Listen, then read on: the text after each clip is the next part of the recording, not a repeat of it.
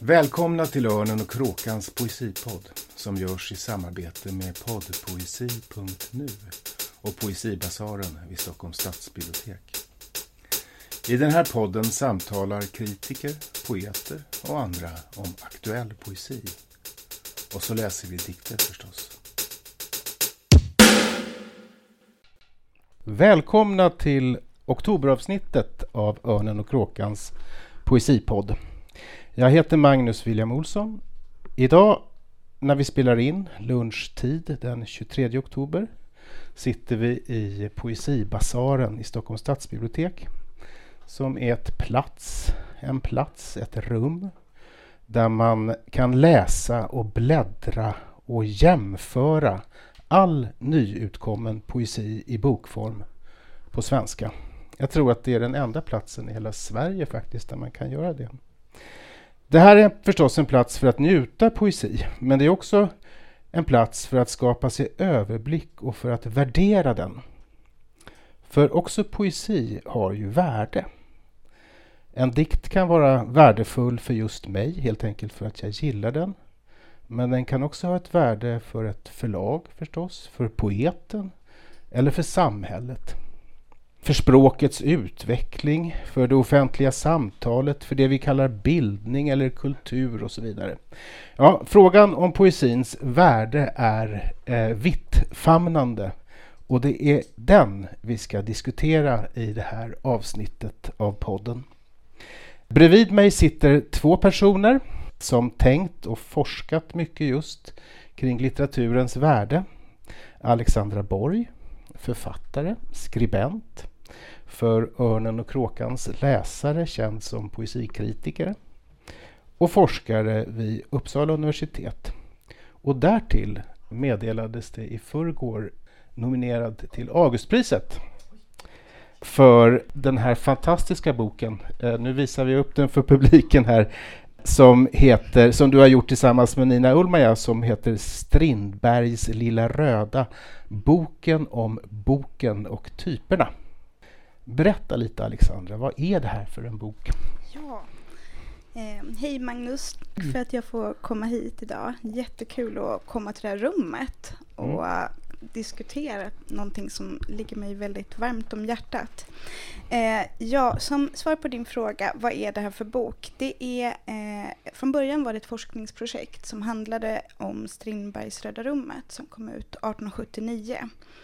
Och vi ville titta på hur den transformerats, alltså ur en bokdesignsperspektiv, hur den ompaketerats och vilka olika format den har kommit ut i. För den har ju kommit ut mm. väldigt många vi gånger. Vi upptäckte det. Mm. Vi hade lite på känn att den skulle ha kommit ut många gånger, men vi kunde aldrig gissa att det skulle vara över 140 olika mm. upplagor och att den också skulle ha paketerats på så olika sätt. Den har blivit serieroman och konceptuell utgiven av Per Törn som är poet. Och den har blivit tv-roman och konstverk och servetter. Man har tryckt den här framsidan då som servetter och tunnelbanekonst. Så det växte och växte och växte och till slut så tyckte vi att den här berättelsen eller det här slutresultatet förtjänar en större publik än forskare som var målgruppen inledningsvis. Så vi, eh, ja, vi började helt enkelt göra, tänka en, en bok med då Röda rummet som ett slags skelett eller ryggrad. En prisma varigenom man kunde betrakta de här 140 åren av svensk bokformgivning. Och så har vi också fått tillfälle att komma ut på små liksom utfärdar små digressioner där vi kan berätta om hur de olika typsnitten i upplagorna sett mm. ut och vem som har gjort omslaget. Och olika trender i Olika trender, mm. estetik och mm. också teknik har ju varit väldigt väsentligt. Vilken teknik och hur har den påverkat utseendet? Och också alltså, olika tankar om bokens värde får man ju säga. Ja men absolut, i hög grad. Och, och en viktig grej är utgivarens ambition med boken. Alltså mm. är boken tänkt som en slit och slängvara eller är den tänkt som ett bestående verk som ska hålla i över ja, 140 år? Mm. För vissa av böckerna håller ju inte ihop. Alltså, mm. I materiellt hänseende så har ju pappret förstörts. Mm. Liksom. Jag tror att vi, där, det här frågeställningen som ni tar upp och som ni så underbart behandlar i den här boken som är så snygg så att man vill bara lägga sig ner och dö när man ser den. Eh, de, de kommer vi att tangera, tror jag, därför att det, det handlar också om eh, en hel del om vad ett verk är och hur vad eventuellt vad mediet ja. betyder för verket och så. Det tror jag är frågor som vi också kommer att ta upp på andra sätt. Ja, ja eh, bredvid Alexandra sitter Erik Wikberg. Supervälkommen hit. Du, du är, är podd, precis, du får dra upp den här micken. Eh, du är ju podd-habitué. Eh, har jag, jag har hört i andra poddar. Det gick snabbt. ja, precis. Men du är också forskare framför allt förstås eh, på Handelshögskolan. Och du har boken och bokmarknaden som specialitet. Du skriver krönikor också i VLT. Ja, precis. Mm. Eh, just nu så sysslar du med det som ibland kallas plattformsbaserad litteratur. Poddpoesi som är med och gör den här podden är ett tidigt exempel på det. Eh, men berätta lite Erik, vad är det egentligen du vill ta reda på med den här forskningen du gör just nu? Enkelt uttryckt kan man säga att det här är då eh, en slags andra digitaliseringsvåg i bokvärlden. Man hade ju en stor omdaning med eh, internetbokhandeln när den kom och tog marknadsandelar från fysisk butiksmiljö. Och nu har vi sedan ett par år tillbaka ett fenomen med Eh, plattformar för ljudböcker framförallt och e-böcker eh, som har förändrat eh, bokvärlden, eh, bokmarknaden på många sätt. Eh, förra året var det 40% i volym som konsumerades i de här tjänsterna. Eh, I räknat i kronor så är det fortfarande en mycket lägre del och det är också någonting som är eh, förstås intressant för att även om, det, eh, om de här tjänsterna förser befolkningen med väldigt mycket eh, böcker så är det till ett lägre pris vilket förstås påverkar förlag och författare ytterst. Mm. Och kanske är det också en, en annan form av eh, litteraritet, eller vad ska jag säga. Att, att lyssna på en bok är inte samma sak. Det anknyter till den här ja, frågan om, om medieneutralitet mm. eller inte. Att, att lyssna på en bok är ju inte alls samma sak som att, att läsa den. Nej, exakt. Och jag tänkte på det också när eh, du pratade om eh, eh, Strindbergs Lilla Röda här, att eh, det här är ju någonting som förändrar eh, litteraturen. Eh, ljudböcker har ju funnits länge. Beroende på hur man sett det så har det ju funnits egentligen från första exemplaret var väl på 50-talet eller kanske ännu tidigare med eh, Sveriges Radio och så vidare. Men när man lyssnar på en ljudbok så har man ju diskuterat om det är en annan slags böcker man lyssnar på. Alltså att det är svårare rent kognitivt att hålla reda på väldigt många karaktärer. Det är väldigt svårt med tidshopp av bruten kronologi. Eh, och eh, man ser att rent eh, sådär genremässigt så är det väldigt mycket genrelitteratur som säljs, deckare eh, framförallt. Mm. Eh, och eh, det, det är no någonting som också egentligen gäller för alla andra återförsäljningskanaler men eh, kanske extra tydligt i, i digitala abonnemangstjänster. Mm. Så att, och det här är ju då någonting som folk har eh, som det råder delade meningar om. Vissa känner ju en oro för att hur kan det här då förflacka litteraturen och utgivningen för att eh, mm. man inte köper böcker i tryckt form längre, att man köper dem till inbundna format och så vidare. Eh, eller finns det andra möjligheter med det här? Eh, mm. Och många betonar ju också det att eh, litteraturen ursprungligen är ju en muntlig, muntlig som sen har blivit skriftlig. Så att, mm. Och egentligen även om man ser till poesi så finns det också ett, eh, ett stort fält för eh, poesi som inte är publicerad i tryckt form. Eller ja, all poesi ja. nästan ska ju... vad, vore ett, vad är ett rim om det inte låter? Mm. Ja, exakt. Ja, ja. Så att jag vet, jag sa faktiskt så här apropå vara... Eh, jag sa i någon intervju tidigare om att eh, Eh, Eh, att just poesi är en sån form som jag tänker skulle kunna ha potential i ljudboksformat. Och då är det klart att det, det kan ju förefalla väldigt naivt för att det är ju en genre som i de här ljudbokstjänsterna är enormt liten. Och ibland så finns den inte heller trots att de har så väldigt många titlar. Men eh, vad jag menar med det är just att eh, man det, det tillkommer ju någonting när man får höra författarens röst eller en uppläsare. Eh, och eh, jag tror att det är någonting, alltså det, är en form där man skulle kunna ha potential även om själva marknadskrafterna kanske inte finns här just eh, Jag brukar skryta om att när vi startade poddpoesi för 2011 så är det en sån tjänst där man kan lyssna på po poeter som läser sin poesi. Den är gratis och inte, då var det den första streamade bo, Mm. litteraturtjänsten som, som, skapades. Som skapades. Eh, så att, men det, låt, det där får vi absolut anledning att, att återkomma till. Eh, eh, till våra lyssnare och vår publik här så vill jag också säga att, att Alexandra och Erik är ju forskare förstås, men de är också litterater och eh, läsare. Och eh, jag har bett dem att just från sajten poddpoesi.nu välja tre dikter var. Vi får se om vi hinner lyssna på alla som en slags eh, lite sådär som man i P3 brukar spela låtar ibland när det blir för mycket snack.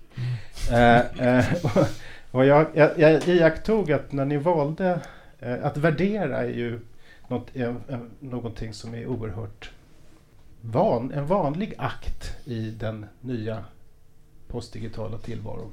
Vi värderar Mm. hela tiden, inte minst på sociala medier och så. Och att värdera är också att framställa sig själv som värderare. Mm. Och jag, no, jag iakttog att de poeter ni har valt, oberoende av varandra förstås, av dem så är det sju poeter. Av dem som är sex kvinnor och en icke-binär. Mm. Säger det någonting om värderingens villkor i vår tid? Ja, alltså nu valde jag ju dikter utifrån vad de betydde för mig snarare än vilket kön författaren hade som skrev den. Men eh, jag är lite intresserad av, jag såg inte vilka Erik hade valt, så jag är nyfiken på det. Men det här är ju dikter som har ett stort värde för mig. Framförallt den här familjeepos som jag tyckte var oerhört stark debut som kom. Johanna Frid Ja, och så den- mm, ja, den, den- Precis, ja, den lyfter jag också fram i den här kalendern. Den har inte Just. fått så mycket alltså folk som blivit så värderad i det offentliga samtalet. på. Precis, Sen- Alexandra har skrivit en essä i Örnen och kråkans första eh, årskalender som heter Poesiåret 2017 där hon tar upp bland annat, bland mycket annat, den här Mm. Men det är det är ett fantastiskt rikt urval av författare ni, ni har där på Mm. poddpoesi.nu. Så det är Mm. ju Ja, det är jättesvårt att välja. Ja. Ja, jag bara att det Jättemycket, är, jättekul. intressant. Eh, jag, eller jag vet inte om det säger någonting. Eh, Nej, men det- Kön är, överhuvudtaget är en, ett, ett, en issue i, i när det gäller eh, att så att säga... Eh, det, för att det är ju, det är ju ganska känsligt att träda fram som kritiker, som värderare, Ja. Mm. eller hur? Det tycker jag Ja. alltid. När jag, ska, när jag får uppdrag att jag ska välja någonting, då, då börjar man omedel- omedelbart tänka på en massa Mm. parametrar, hur, man, hur, man, så att säga, hur ens val ska framstå. Ja men det är helt sant. Jag har jobbat som kritiker sedan 2008. Och jag har skrivit en dålig recension. Alltså där jag verkligen, den var inte snäll den recensionen. Men jag var inte förtjust i verket. Och Anders, det är någonting jag kommer ihåg. Så jag, jag kan inte skriva Nej. en sågande recension. Alltså det finns alltid någonting man kan lyfta fram som är bra med ett verk. kan man göra. Och, och poeter, jag kan ta mig själv som exempel. Vi, vi eh, minns nästan alltid de där Ja sågningarna. men det är klart. Men det, som lärare så får man ju kursvärderingar. Ja. Och jag har ju fått hundratals kursvärderingar för jag har Precis. jobbat så länge. Men det är de negativa kommentarerna man kommer ihåg, inte de positiva. Ja. Ja, det är intressant. Ja. Eh, men låt oss nu börja med att eh, tala om det helt basala när vi börjar prata om poesi och värde. I frågan om varför det alls är viktigt att tänka och tala om poesi i termer av värde. Det finns ju en hel del människor skulle jag tro som, som menar att eh, poesin bör ställas utanför värderingen. Att poesin är i sig något, vi behöver Mm. inte, den, den ska inte, var, var, vad menar, vad tänker ni att varför, varför bör vi tala om litteraturens värde?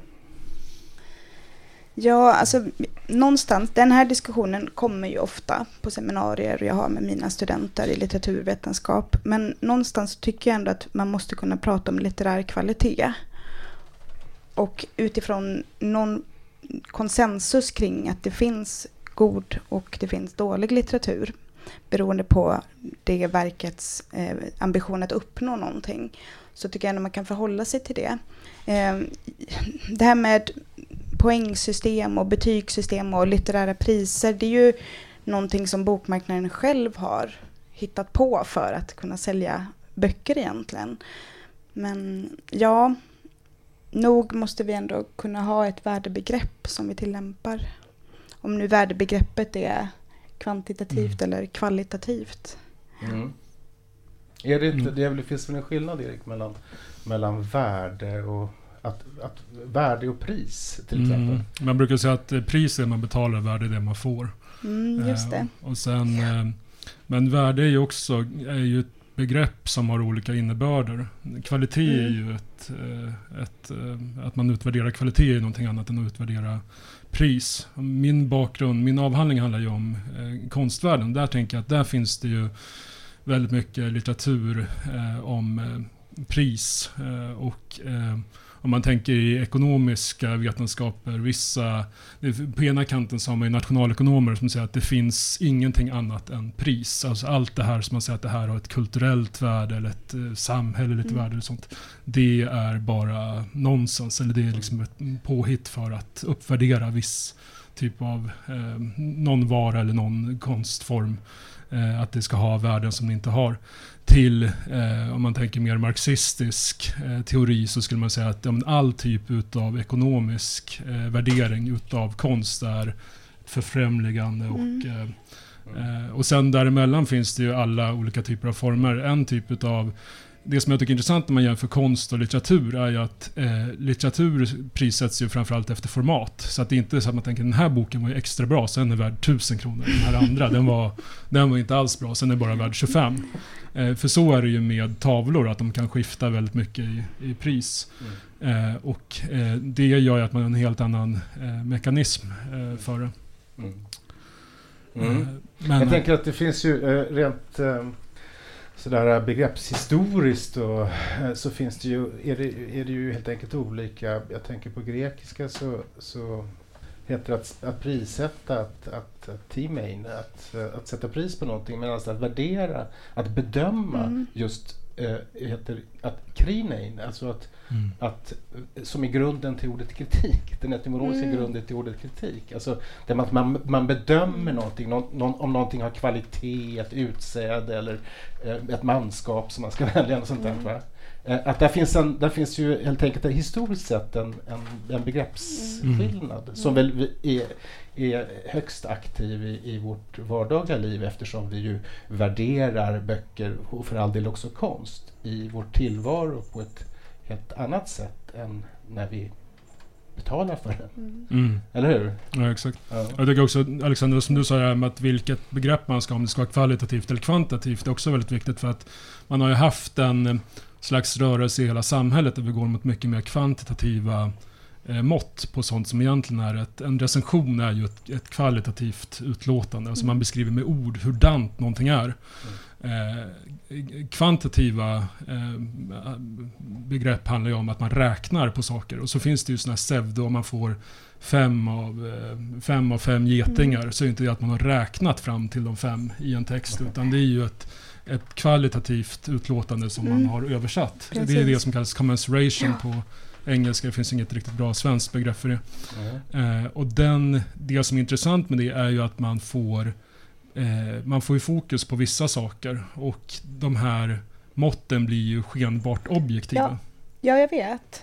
För de är ju godtyckliga egentligen. Det finns ju ingen skala, man, alltså den skalan eller de parametrarna man går efter när man sätter de här fem getingarna, den är ju inte fastställd. Exakt. Eller formaliserad, vilket den är i skolan. Ifall vi betygsätter en uppsats, då har vi en, en mall att gå efter där vi kan se Ja, är formalia korrekt? Finns korrekt Mm. mm. fotnotsapparat? Finns korrekt litteraturhänvisningar? Är syfte tydligt? Mm. Så då kan man ju bedöma betyget på den här utifrån. Men det finns En väl mall. eh, mer eller mindre trovärdiga bedömningar alltså som man till exempel kan, Jo, kan göra utifrån att det är väl gjort. Det är någon som har visat att de har läst väldigt noga ordentligt och prövat det mot sitt eget språk och jo, Mm. satt det i sammanhang och den typen jo, det, av... jo ja. visst, visst är det så. Mm. Ja. Mm. Nej, men jag vet när eh, Lisa Renius var kulturredaktör på UNT, Uppsala Nya Tidning, så försökte hon få igenom bland kritikerna där att betygsätta den litteratur de recenserade.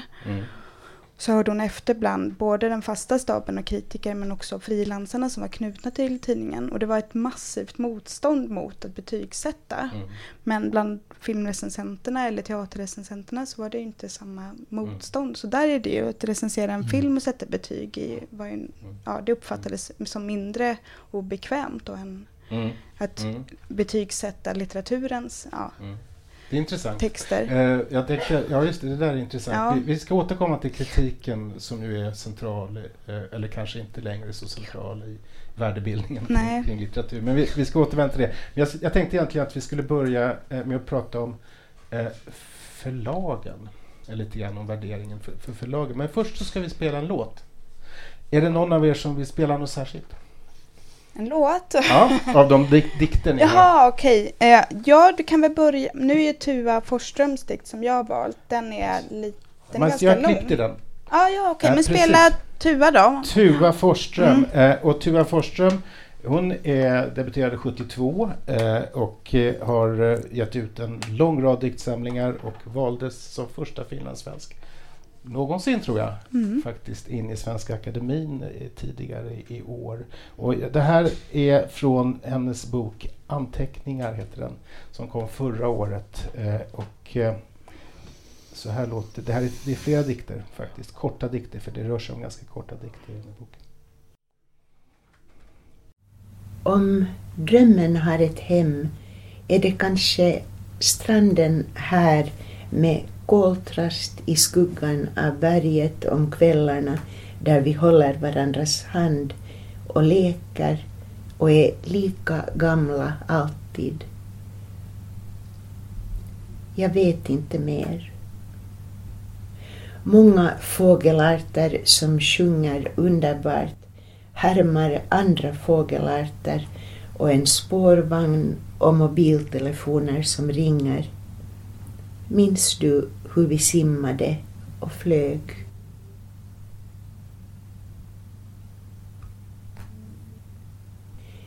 Jag vet inte mer.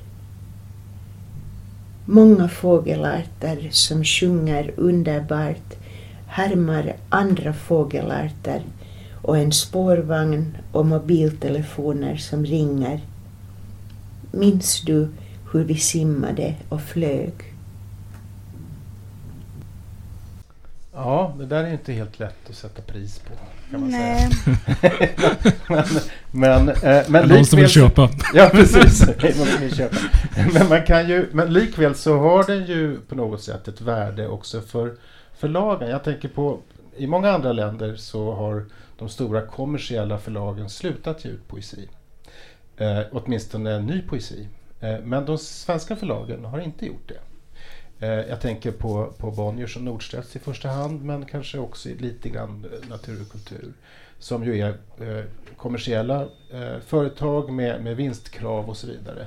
Och, och de, de fortsätter att ge ut poesi, Bonniers ganska mycket poesi trots att de inte säljer mer än ett, några hundra ex ofta. Mm. Eh, varför? Va, vad, är, eh, vad tänker ni att liksom, vad, vad, vilket slags värde har poesin för, för de här förlagen? Ja, det har ju ett rent kulturellt kapital om man ska tala i termer av kapital. Pierre Bourdieu som är fransk eh, sociolog eh, har skrivit eller pratar om att man olika typer av kapital och för ett förlags trovärdighet så är det viktigt att även ha en utgivning som stärker deras kulturella kapital. Man kan alltså, man kan men för, som ta exempel Albert Bonniers, ett av Sveriges äldsta förlag och en bred utgivning. Man kan inte bara ge ut eh, genrelitteratur som säljer extremt stora upplagor utan man måste även profilera sig kulturellt. Alltså att ha en nischad utgivning av, eh, av till exempel Tua Forsström eller Men Erik, hur, hur, räknar man på det? Alltså. Ja men det är ju... Man kan säga att eh, Bourdieu har ju egentligen inspirerat, eh, varit en eh, influens till nya fält som jag håller på med som heter institutionella logik, det som jag framförallt håller på med. Eh, så att de här krafterna, att man ser att man kan bygga legitimitet på olika sätt, är ju eh, någonting som finns med där hela vägen. Sen så Eh, är det ju väldigt svårt. Jag tror inte heller att det är så att man har, att det inte behöver vara så att det är så beräknande, att det finns någon rationell grund. Utan det kan, om man tänker Bonnier ägs ju av en familj som jag tror värnar tycker bara, om, värnar ja, om och faktiskt tycker att det här är någonting man gör mm. även om man förlorar pengar på det och så vidare. Eh, så att det är så. eh, Det är ju, det här, bara för att det är ett kommersiellt bolag så betyder det ju inte att man i varje litet beslut tar säga, Nej, nej, vinstmaximerande nej, nej, nej, absolut. ansvar. Sen brukar ju också förläggare säga att det kostar så lite att ge ut diktsamlingar. Det, det är billigt att ge ut dem.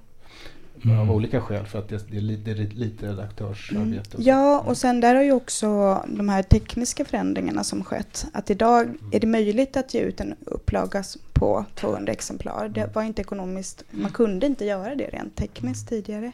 Mm. Så det har ju bidragit Det är egentligen. klart. Ja. Men det där bildandet av kulturellt kapital har ju eh, starkt, värdebildningen av kulturellt kapital har ju, har ju starkt förändrats i den nya offentligheten. Eh, det är ju, eh, man kan till exempel just titta på recensionen som ju, jag minns när jag debuterade, att få en, liksom en recension av Bengt Holmqvist i DN. Det var ju liksom, det kunde lyfta någon från gruset till, Mm. till Parnassen. Mm. Idag så, när jag, jag föreläser ganska mycket om kritik på olika universitet och när, när jag kommer till de här eh, grupperna som det är litteraturvetare eller förlagskunskap och, så, och så frågar jag dem alltid, eh, 20 studenter specialintresserade, är det någon kritiker som ni tycker om eller följer? Och det är ytterst sällan Mm. som någon överhuvudtaget kan ett namn på en Mm. kritiker. Mm. Och där, där finns det ju en skillnad. Och Mm. var sker då den kulturella värdebildningen idag? Mm, det är en jätte, jättebra fråga. Jag minns ju, du var ju föreläste för mina studenter. Jag hade en kurs i kommunikation om litteratur, hette den. Mm. Och det var ju tio eldsjälar till studenter som satt där och de skriver ju själva kritik men de här följde inga kritiker. Ja, en spaning är ju lite att den stora kritiker smakdomarprofilen den är lite på utdöende egentligen. Så att det är inte smakdomarpositionen på de stora redaktionerna är inte lika viktig idag som det var för 30 år sedan.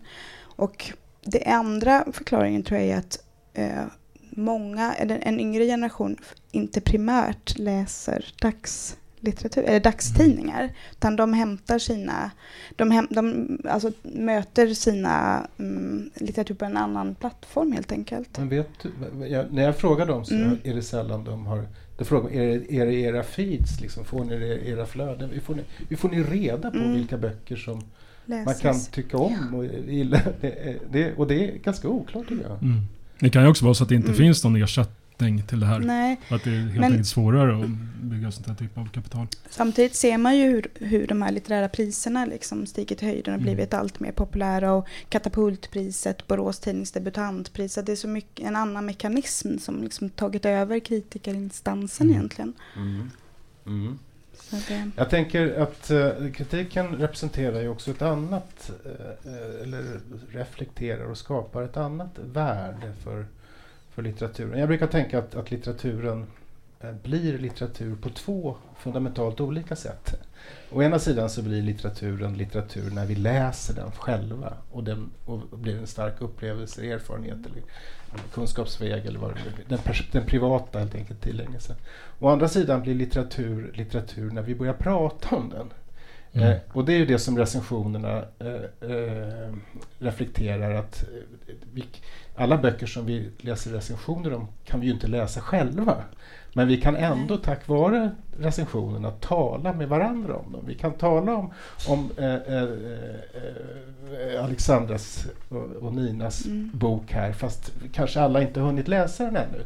Eh, och då ska vi säga att det, där, där är litteraturen har ett slags samhälleligt Mm. vara.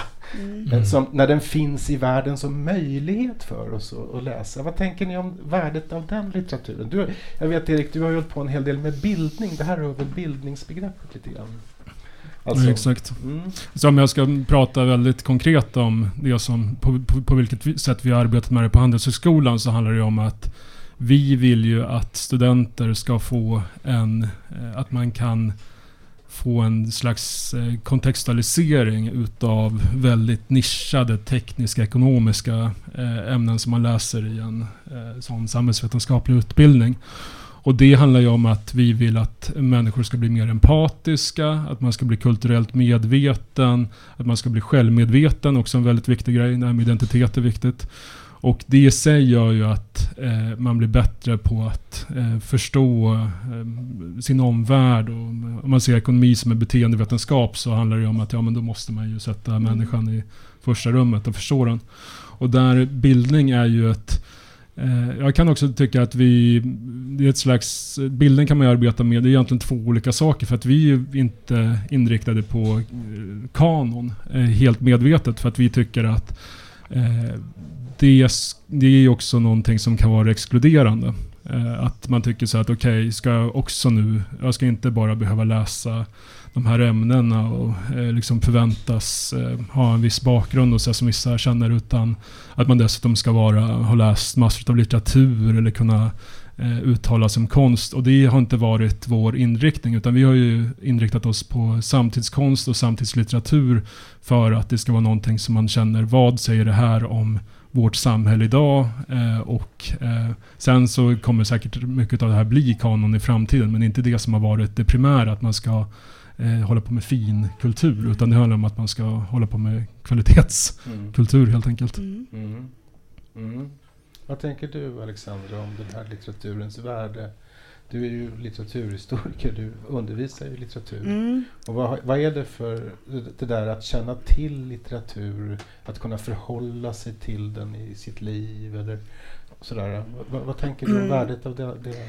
För mig um, så har ju det ett Alltså jag är stor konsument av litteraturen och primärt ett stort personligt intresse, ett stort värde för mig privat. Och eh, jag valde dikt till idag. Det är dikt som starkt tilltalar mig och kan, har satt ord på erfarenheter som jag upplevt men inte riktigt kunnat formulera. Och i förlängningen är det väl lite det ni också kanske mm. försöker göra. Här är, läser man författare som formulerar omvärlden, alltså poeter som har iakttagit och satt ord på händelser, och fenomen och förlopp som man inte riktigt sett som ja, den enskilde individen. Men jag är ju lite, alltså jag är lite kluven vad det gäller kanon och kanonisering av texter. Litteraturvetenskapen i Uppsala är väldigt traditionell och den är väldigt starkt fokuserad på kanon. Jag kan tycka att det finns eh, ett värde, värde i att upprätthålla en kanon. Bara att den här kanon, vilka som införlivas i kanon måste diskuteras och inte bara ja, kopieras från från tidigare. Liksom. Vad tänker du att det värdet består i? Mm, värdet består i någon form av upprätthållande av en eh, nationell identitet skulle jag ändå säga att det har. Mm. Mm. Men att den är under om, omvandling hela tiden. Mm. Och eh, också till för att kunna läsas och ifrågasättas och utmanas och eh, ja, debatteras helt enkelt. Uh, ska, alltså, det, ja. det, ska inte vara något idealiserande. Utan det är ändå texter som har tillkommit vid en viss tidpunkt som, tidpunkt som man kan ha som utgångspunkt för, för diskussion och samtal. Mm. Mm. Och så, eh, precis. Eh, eh, låt oss återkomma till det. Jag, jag, tänker spela en av dina dikter, Erik. Mm. Som kanske ansluter någonting lite till det här. Det är slutet på du har valt Athena Farrokhzads mm. Vitsvit. Som ju nästan redan är kanoniserad. Mm, verkligen. eh, och det här är alldeles mm. slutet på hela den dikten. Min far sa Du ska bespråkliga min ansiktslösa längtan. Det finns ett ord som är det sista att överge människan. Imorgon är jag en stavelse närmare. Min far sa Gör mig till sten för din slunga. Gör min mun till läppar för din klagan. Mina knän till din förnedringsbrustna pelare. Min bror sa Minnena frodas på marken som ett anspråkslöst ogräs. Hur långt måste vi gräva i våra spår för att avlyssna rötternas klagan? Min mormor sa ni ska förvalta deras genomträngande klang. Ni ska plantera den i en mark som förflyttar sig i er rastlöshetstakt. Min bror sa alla de frön som fick denna dom att falla i denna jord och aldrig gå i blom. Det är för dem jorden ska rämna. Eh, det här är ju ett exempel. Den här dikten är ju i sig eh, väldigt värderande, kritisk. Mm. Och, och konst är ju ofta på det hela taget och inte minst poesi kritisk i sig själv. Hur ska man värdera poesins eget e, e, egna kritik, egna värderande av samhället? Hur ska man, hur tänker ni, hur ska det tas tillvara? Jag menar det Det- finns ja. ju det finns ju eh, olika sätt att göra det på, eh, till exempel genom stödordningar och sånt där. Mm.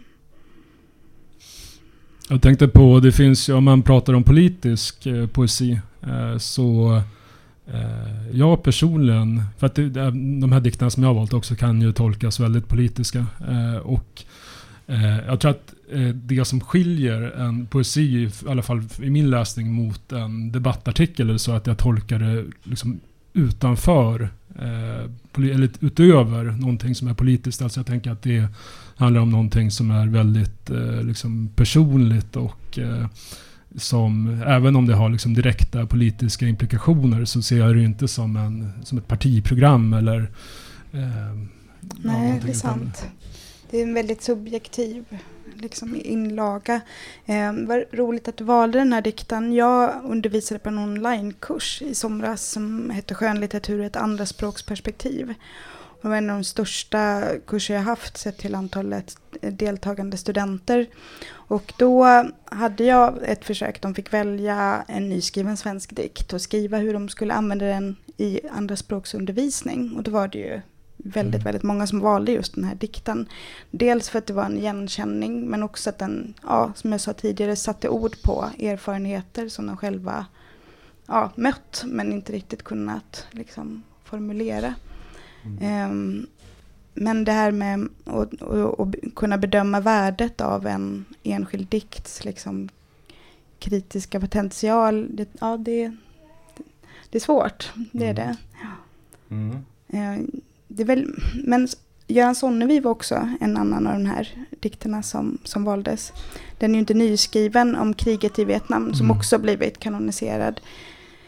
Det är ju fina med den, det är ju just att den inte skriver någon på näsan. Det är inget partiprogram, det är inget debattinlägg. Samtidigt är den väldigt stark i sin kritik av kriget i Vietnam. Mm. Just för att den ger, Verkligen. ger en gestaltning av den. Verkligen. Så det, Jag tänker faktiskt spela en, en dikt till här av Eriks eh, eh, val. Eh, nämligen Nino Mix Mm. eh, dikt som låter så här. Vi, ska, vi kan prata om den sen.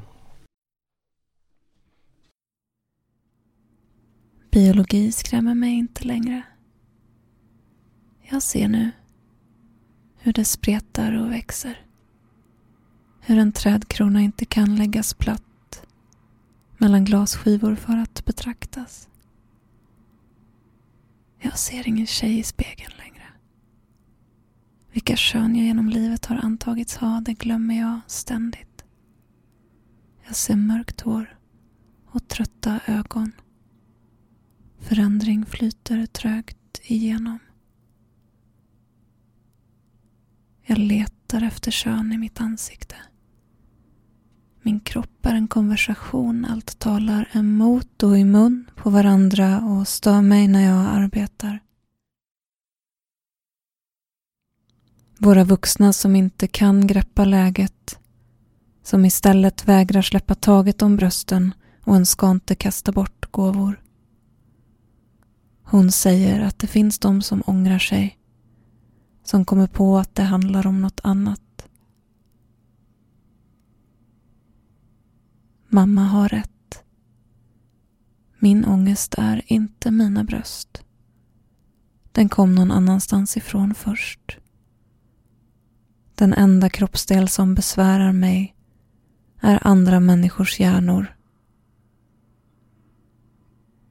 Och dem kan jag inte korrigera. Mm.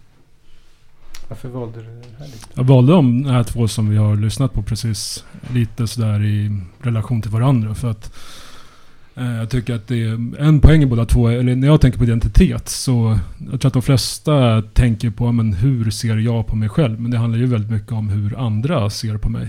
Eh, och eh, alltså med rösterna i Athenas dikt och eh, att eh, eh andra människors hjärnor är ju det som är liksom, eh, ja, mm, intressant här. Mm.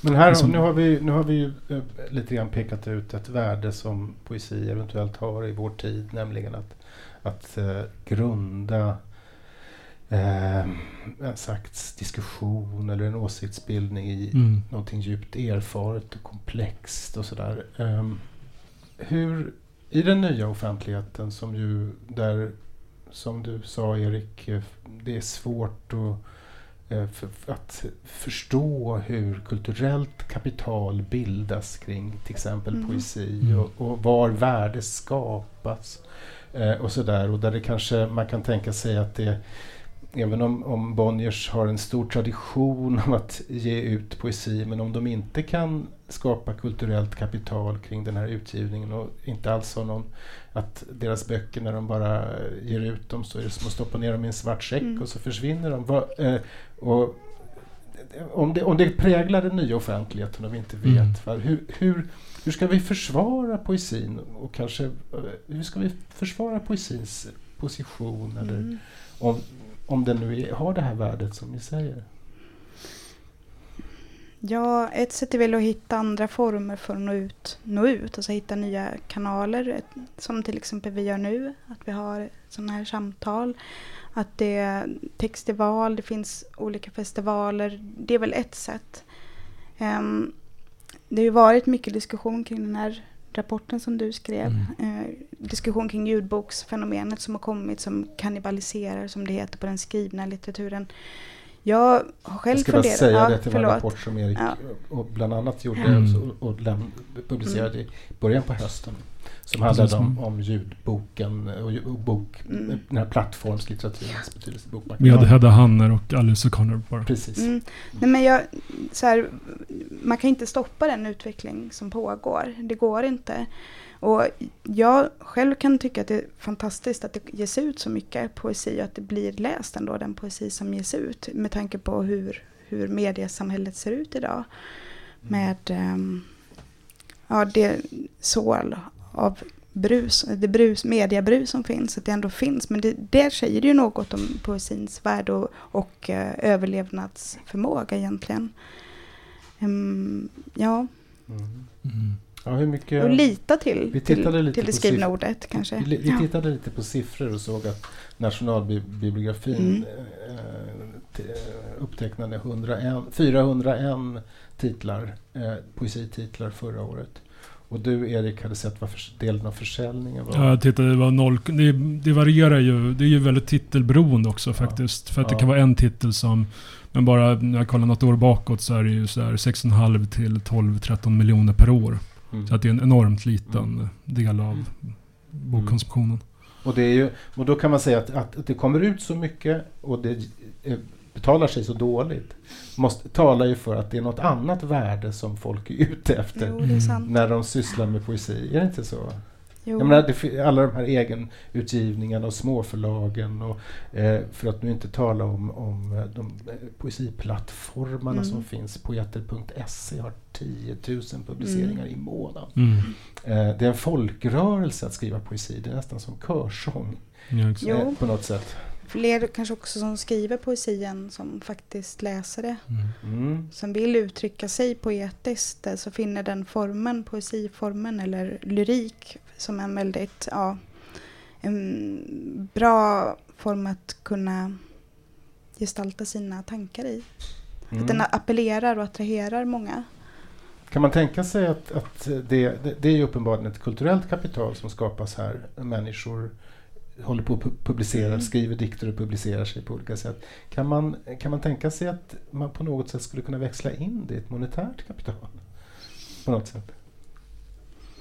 Ja, det tror jag är svårt. Ja, alltså, det kan faktiskt vara. Men just, jag tycker inte man ska heller tänka att det är något egenvärde med. Alltså, mm, monet, pengar ska ju användas för att skapa andra värden och inte tvärtom. Eh, Mm. För de poeter jag känner, de börjar ju inte skriva poesi för att tjäna pengar. Och det gäller nästan även också för de kritiker jag känner. Mm. De är ju inte kritiker för att de vill tjäna pengar. Nej. Utan för att det är något annat som de Mm. ja, värdesätter. Då.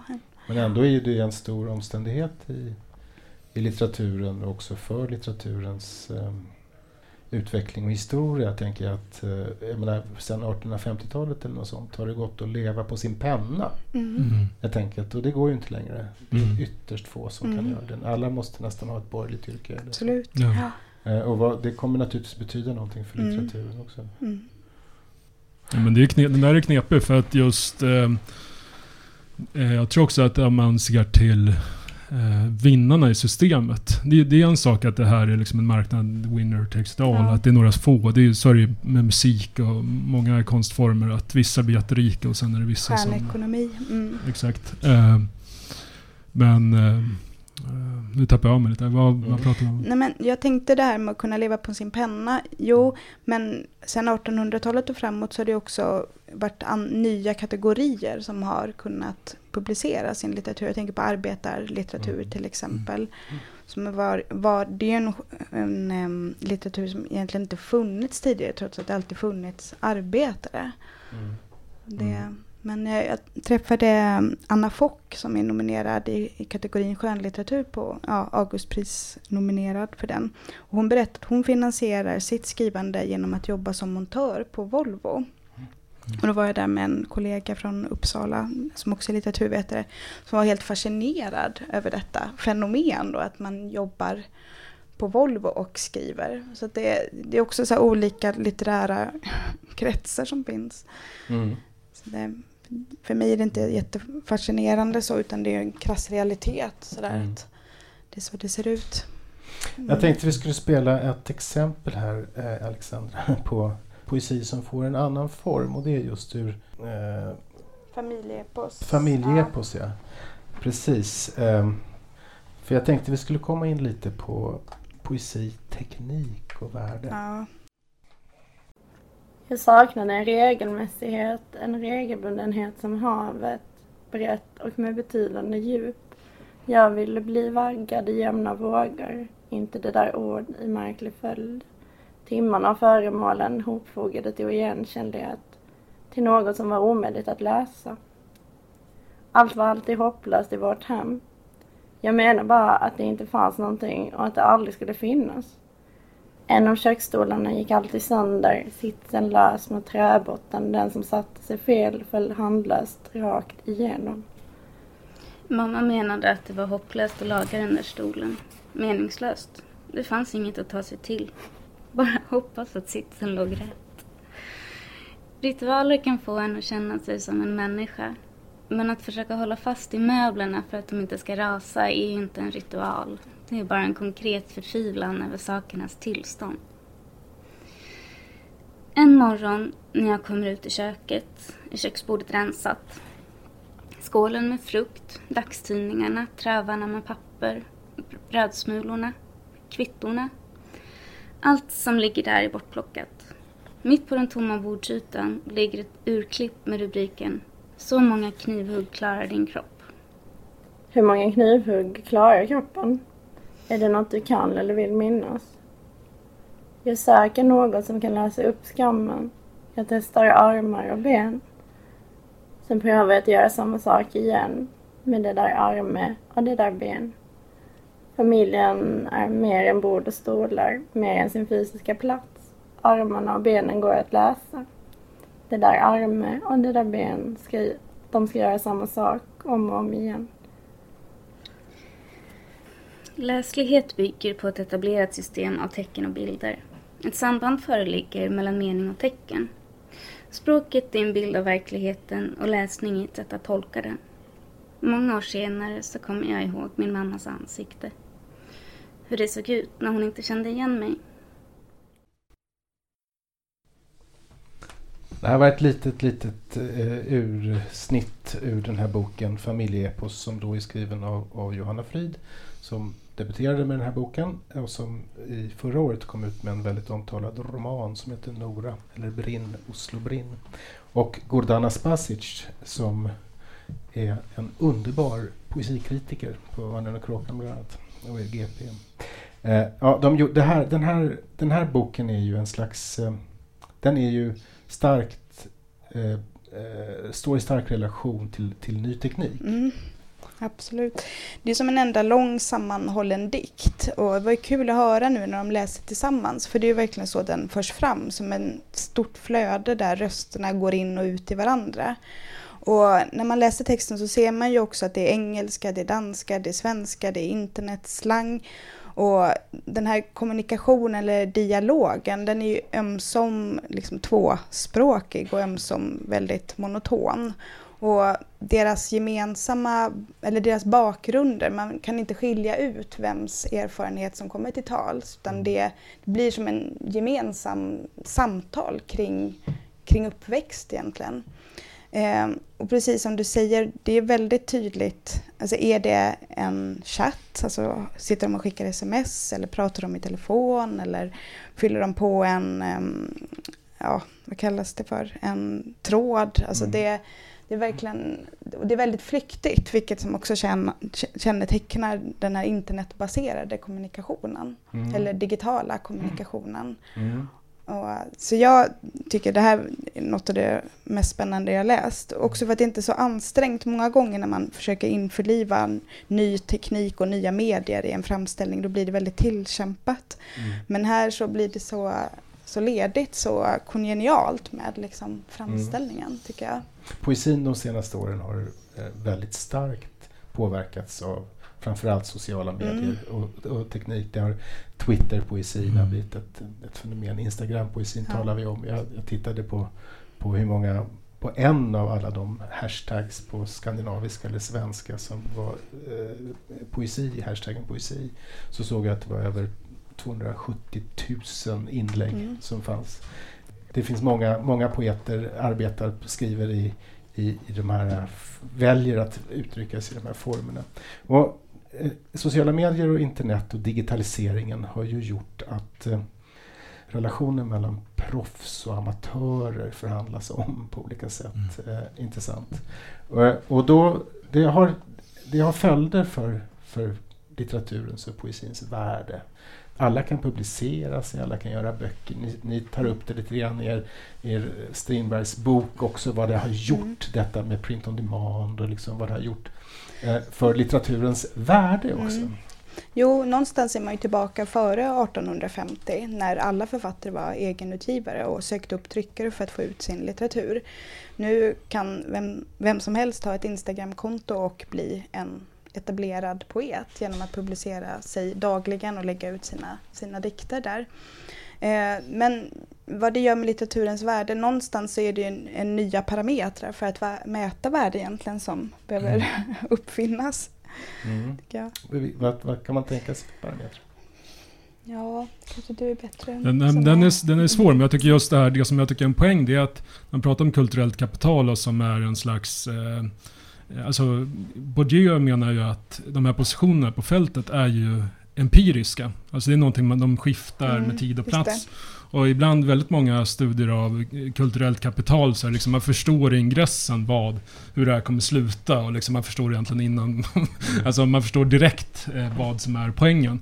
Eh, för att man håller kvar väldigt mycket vid hur eh, man tar den här modellen, franska förlag som eh, Bourdieu studerar och tänker att det här är naturlagar som ska gälla i all framtid. Det är självklart att det inte är så. Och eh, Eh, ja, men en, det här är ju väldigt litet, men det som, en sak i den här rapporten eh, som, eh, som vi nämnde tidigare var ju att när man ser till ljudbokskonsumtion så är det en konsumtion som är eh, väldigt lite självbespeglande. Alltså att eh, man bryr sig inte om, om folk tycker att det här är fint eller fult och eh, vad man läser och så vidare. Utan det är, man gör det för sin egen skull. Och det är ju någonting annars med litteratur, att det har en sån poäng. Att det här, det ska liksom, konsumtionen är självbespeglande. Att det här visar vem jag är. Och det var det som även i början där med när man väljer ut att, ja men vad man väljer ut um, hoppas man ju säger någonting fördelaktigt mm. om en själv och så vidare.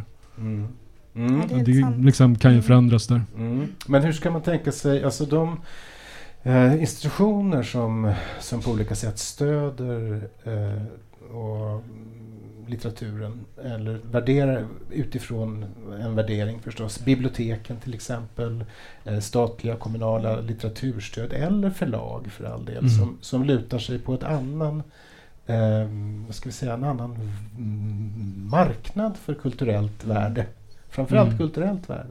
Hur, hur, ska det, hur ska det gå med det här? Vad, vad, ska, vad kommer att hända? Vad tror ni kommer hända med, med till exempel litteraturstödet? Till exempel förlag, ut, utgivningen av, av, av smal litteratur i bok, på bokförlagen. Vad, vad, vad, vad, har ni i kulan?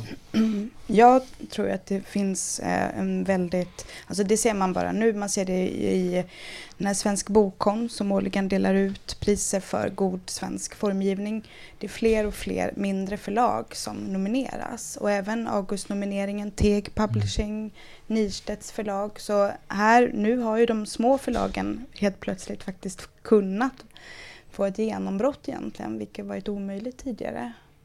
Mm. Så jag tror att det, det ändå bäddar för en, en större mångfald egentligen. Men eh, du- man, man kan ju säga att de lever ju förstås som alla förlag i, i viss mån på litteraturstödet. Ja, Mm. det är sant. Eh, helt enkelt. Det sant. Och, och, det, eh, och samtidigt så har ju de, de har ju inte någon, det är inte någon stor spridning av litteratur från, som man har distribution och spridning av litteratur. Mm. Litteraturen är ju rätt begränsad numera. Där händer det inte så mycket. Eh, liksom, eh, så att det, visst, det kommer nya förlag som det är mycket billigare att göra böcker. Man kan också egenpublicera förlag. Det finns plattformar som kan hjälpa en med det och så vidare eh, för att ge ut böckerna. Men ökar det litteraturens värde egentligen? Vad skulle du säga Erik?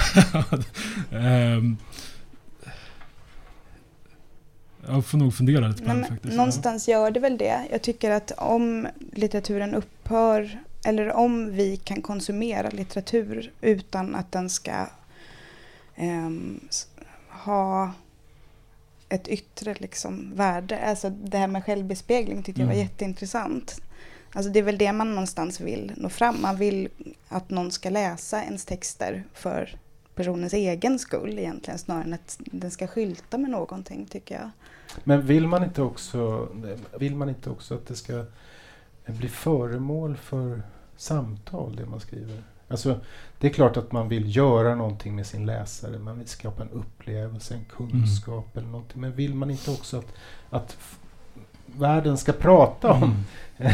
att det ska finnas en offentlighet i, i att publicera sig? Är inte det också någonting? Ja, men det är ju såklart att det är viktigt. Och på något sätt så är ju det också som jag tänker att offentlig sektor och media och så vidare har en, en slags roll, viktig roll att fylla där. Att man ser till att, eh, att det finns i det offentliga samtalet. För att det är ju väldigt lätt annars att det, att det helt enkelt blir färre och färre. Att man inte har det som ett naturligt inslag i svenskundervisningen. Att man inte riktigt eh, möter i andra sammanhang. Man läser inga recensioner och så. Eh, Mm. kommer utanför kartan. Så. Mm. Så att det är en dubbel rörelse. Å ena sidan det som ljudboksläsarna, eller vad vi kallar dem för, konsumenter, det vill säga att man, man, man väljer det man gillar, precis som Mm. man på Netflix Mm. väljer den serie man tycker om. Och, och man, inte, man skyltar inte så mycket mer, det är inte så, ingenting som man går ut med på på Mm. liksom, det kan man göra förstås. Men, men å andra sidan då en slags eh, top-down värdering som handlar om kanon och skolan och, och bildningen. Mm. Och, är det det ni ser framför er? Är det en slags dubbel rörelse här? Ja, det är det nog. Kan jag bara tillägga, för att jag tänker också här att eh, om man ser det stort att det finns ju ett underskott på läsare och ett överskott på eh, poeter egentligen. Och de, jag skulle anta att de flesta dikter som skrivs hamnar ju bara i en eh, skrivbordslåda eh, direkt. Nu har man ju ändå fått någon typ av offentlighet med eh, olika typer av ja, men Instagram och eh, Twitter och så vidare. Eh, men sen även den funktionen tänker jag är ju att, att folk, även om den aldrig läses av någon annan än den som har skrivit den, så tycker jag att den fyller en viktig funktion. Och bara som eh, den här dikten som vi lyssnar på om eh, eh, könskorrigeringar, Mm. tänker jag att det är ju, jag tänker att det här är en sån dikt som skulle vara bra för våra studenter, samhällsvetare, för att det handlar ju inte bara om identitet utan också om språket i sig. Man säger att men de här, det här är ju språk som vi eh, som är juridiska konstruktioner till exempel och som är eh, alltså, eh, ja, ett, ett språk för att kunna tala om de här sakerna och om man inte, om man, jag tror att människor som skriver eh, får ju ett mycket mer eh, men ett rikt och nyanserat eh, förhållningssätt till verkligheten. Mm. Mm. Ja, ja det, det, var vackert sagt. Det kommer att förbli slutorden för den, här, för den här podden. Tiden har nämligen gått och jag vill förstås tacka er. Eh, tacka Alexandra. Hoppas, eh, nu har jag inte läst alla andra dina medtävlare, men jag hoppas att ni vinner priset. och eh, tack Erik och tack publiken för att ni har varit här och lyssnat. Nästa avsnitt av Örnen och Kråkans poesipodd spelar vi in den 23 november klockan 11.00 ifrån Bokmässan i Varberg i Halland. Eh, ämnet då blir barn, ungdomar och poesi. Och special guest blir Kristoffer Folkhammar, en av redaktörerna för den omtalade antologin Berör och förstör dikter för unga. Men nu ska vi sluta och det ska vi förstås göra med en dikt. Det var en av, av Alexandras dikter som vi helt enkelt inte hinner med. För att vi ska sluta med en av Eriks dikter, nämligen den sjätte sonetten i Anna Hallbergs ur hennes bok Ciao Ciao. Det, de heter Åtta kärlekssonetter. Och det här som blir slutet på podden är alltså sonett nummer sex, Eriks val. Synkoperna, gatlyktorna i parken. De unga döda svävar genom Lales sång. Tiden står stilla i ett upprepningstvång. På bänken sitter en som har fått sparken. Virvlar över gräset, tonårsbarn, varken inne eller ute, fladdrar i en lång försommarkväll. Vidunderlig, ändå trång, för var och en som inte känt sig stark än. Vita jeans med jord och gräs och kiss och öl. En gråter tyst och ögonskuggan rinner. Två tjejer bakom björken böjer sig, spyr. I vinden ett ljust, knappt synligt pollenmjöl.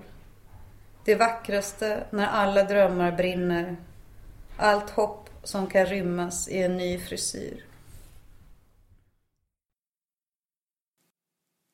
Du har lyssnat till Örnen och kråkans poesipodd. Läs mycket mer om aktuell poesi på ornenochkrakan.se